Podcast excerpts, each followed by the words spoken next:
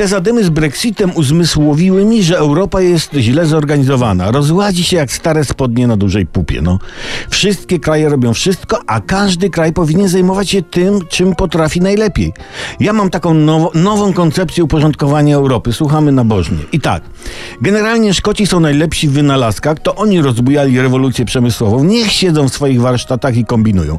Francja zajmuje się medycyną, nigdy walką. Niemcy chemią i fizyką oraz to wszystko, co inni wymyślą, produkuje. Włosi przemawiają, w Grecji, Hiszpanii i Portugalii się wypoczywa. Małe kraje jak Liechtenstein czy Luksemburg będą wykopywały piłki na aut do innego kraju.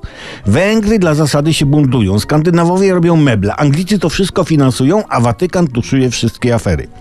Anglicy ponadto organizują kolonie dla dzieci, ale Niemcy trzymają się z daleka od organizowania obozów.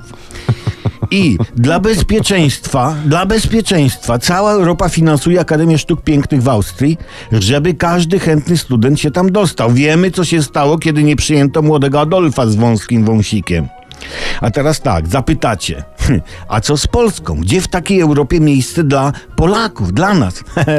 Jest. My byśmy odpowiadali za reset Europy. Słuchajcie, byśmy wpadali z wódką do warsztatów szkockich, tam laboratoriów francuskich i tak dalej, byśmy rozluźniali atmosferę.